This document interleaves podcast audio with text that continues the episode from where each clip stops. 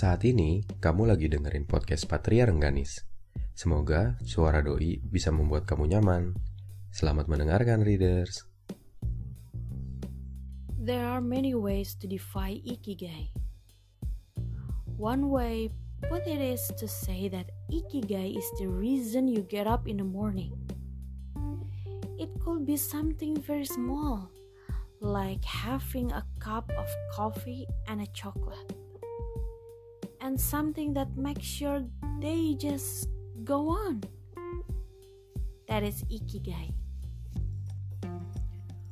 On the other hand, ikigai can be alive, defining, very big goal, like going to Mars or winning the Nobel Prize or becoming the prime minister of a country.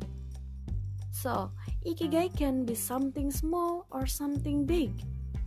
So, in a nutshell, ikigai is a spectrum.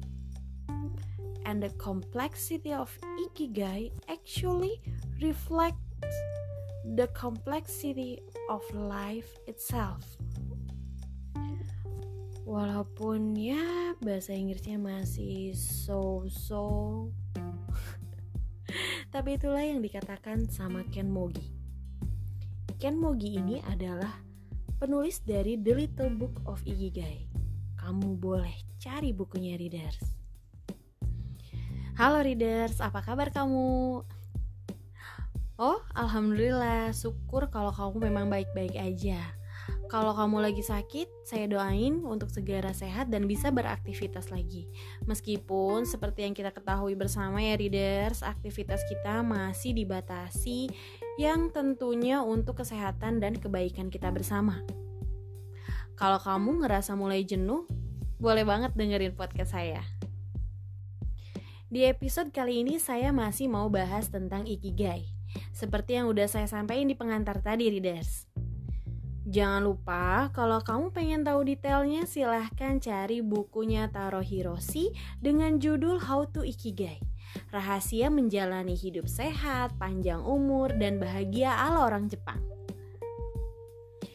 Eh, reader, siapa sih yang gak pengen hidup bahagia, happy gitu? Kalau ada yang nanya sama saya, saya pasti jawab jelas lah saya pengen punya hidup yang bahagia. Termasuk kamu juga, readers. Sering juga kita dengar atau baca kalau nggak semua orang kaya itu bahagia sebenarnya. Dan nggak semua orang miskin itu menderita. Terus apa dong yang bisa bikin mereka tetap bahagia? Dan jawabannya tentu aja karena mereka udah menemukan ikigainya mereka sendiri. Kalau kamu udah menemukan ikigai dalam diri kamu, kamu akan hidup lebih bahagia, readers. Terus, gimana ya caranya biar kamu bisa menemukan ikigai dalam diri kamu? Nah, dalam konsep ikigai ini, yang penting kamu bisa menyeimbangkan empat elemen yang harus saling melengkapi satu sama lain. Dan kalau dalam empat elemen ini kamu cuma bisa memenuhi salah satunya aja, berarti kamu belum bisa menemukan ikigai dalam diri kamu, readers. Kamu bisa tenang, readers, karena saya bakalan kasih tahu kamu keempat elemen itu tuh apa. Dan menurut Taro Hiroshi, empat elemen itu adalah yang pertama, apa yang kamu sukai. Yang kedua, apa yang kamu bisa atau apa yang kamu kuasai, readers. Ketiga, apa yang sebenarnya dibutuhkan oleh dunia atau mayoritas orang. Dan yang terakhir, apa kamu bisa mendapatkan imbalan dari apa yang sudah kamu lakukan, readers? Nah, ayo kita breakdown satu-satu biar kamu makin paham dengan empat elemen ikigai ini, readers. Yang pertama, itu apa sih yang kamu sukai? Nah, kalau udah ada pertanyaan tentang apa yang kamu sukai, tentunya itu bisa merujuk ke hobi kamu atau minat kamu, readers. Kalau kamu baru menemukan minat dan bakat kamu, hal itu bisa dikatakan sebagai passionnya kamu. Yang hanya bikin kamu seneng aja sama hobi itu, tapi belum tentu dibutuhkan oleh orang banyak, dan dari passion ini kamu belum bisa dapat imbalan readers. Misalnya hobi saya itu baca buku nih. Itu hanya bisa dinikmati untuk saya aja readers. Gitu. Dan yang kedua, apa yang bisa kamu kuasai? Kalau kamu dibayar atau punya pekerjaan yang sesuai dengan bakat dan kemampuan kamu, hal itu dinamakan dengan profesi readers. Tapi kalau kamu cuma punya profesi dan gak ada aspek yang dibutuhkan oleh orang banyak, dan tentunya dengan aspek passion, kamu hanya akan mendapatkan kehampaan readers. Misalnya, kamu jago dan punya bakat untuk nulis konten di media sosial nih readers, dan kamu dibayar untuk itu. Tapi kamu belum cukup punya keyakinan kalau nulis konten itu akan bermanfaat untuk kamu atau untuk orang lain. Seperti itu contohnya readers. Yang ketiga, apa sih sebenarnya yang dibutuhin oleh dunia atau mayoritas orang? Saat kamu dibayar untuk melakukan apa yang dibutuhin oleh orang banyak, itu dinamakan dengan pekerjaan readers. Ini juga belum lengkap, karena kamu cuma punya pekerjaan aja dan dibayar tentunya. Tapi sebenarnya kamu gak punya passion dalam pekerjaan itu. Nih misalnya saya dulu sempat kerja di salah satu bank sebagai call center. Saya di sana cuma melakukan job desk saya aja ngantor dari jam 8 pulang di jam 5 saya lakukan terus itu tiap hari tapi sebenarnya pekerjaan itu bukan passion saya readers tapi karena saya sadar saya digaji dan saya punya banyak tanggung jawab ya udah deh saya lanjut selama lima tahun kerja di sana. Sampai saya naik jabatan dan lain-lain. Tapi tetap aja saya ngerasa itu bukan passion saya readers yang keempat dan terakhir readers apa kamu bisa mendapatkan imbalan dari yang sudah kamu lakukan. Kalau kamu melakukan apa yang kamu suka dan bermanfaat juga untuk orang banyak, hal itu dinamakan dengan misi. Misi ini juga tentunya kurang lengkap karena kamu gak dibayar dan gak punya skill apa pun untuk melakukan hal itu.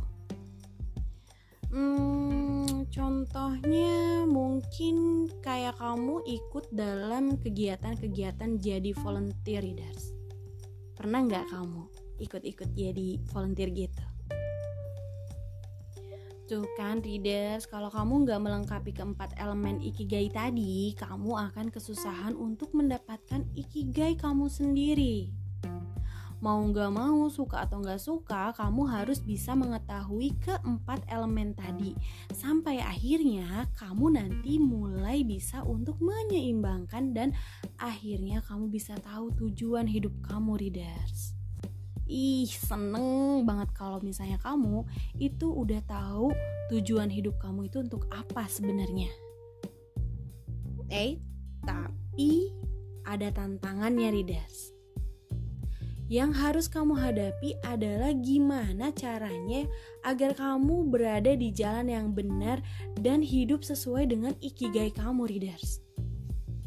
Jadi sebenarnya kalau kamu misalnya udah nemuin ikigai aja tuh nggak cukup, tapi kamu harus bisa menjalaninya dengan sebaik mungkin. Masih bingung gak nih readers? Saya kasih contoh ya.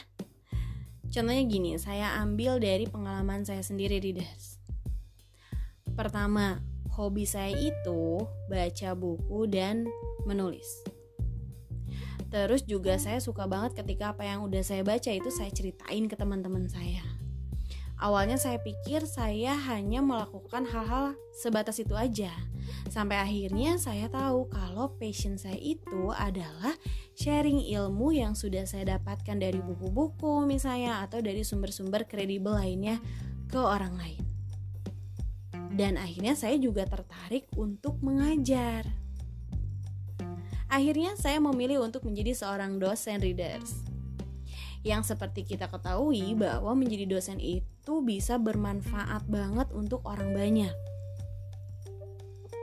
juga saya dibayar untuk profesi saya itu readers setelah saya jalani setiap harinya, eh ternyata seberat apa pun tugas menjadi seorang dosen, saya tetap bahagia, readers. Jadi dalam lingkup kecilnya alasan saya untuk bangun pagi adalah karena saya mengajar mahasiswa-mahasiswi saya di kampus. buat saya tuh sangat menyenangkan banget readers. Nah, itu artinya saya sudah menemukan ikigai saya belum sih readers? Kayaknya sih bisa jadi udah ya.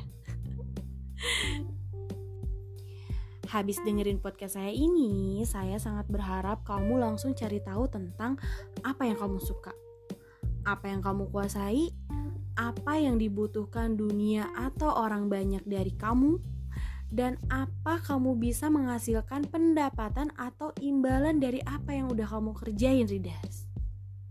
Biar kamu tahu dan yakin dengan tujuan hidup kamu. Hidup cuma satu kali loh, readers dan saya harap juga kamu bisa menjalaninya dengan bahagia.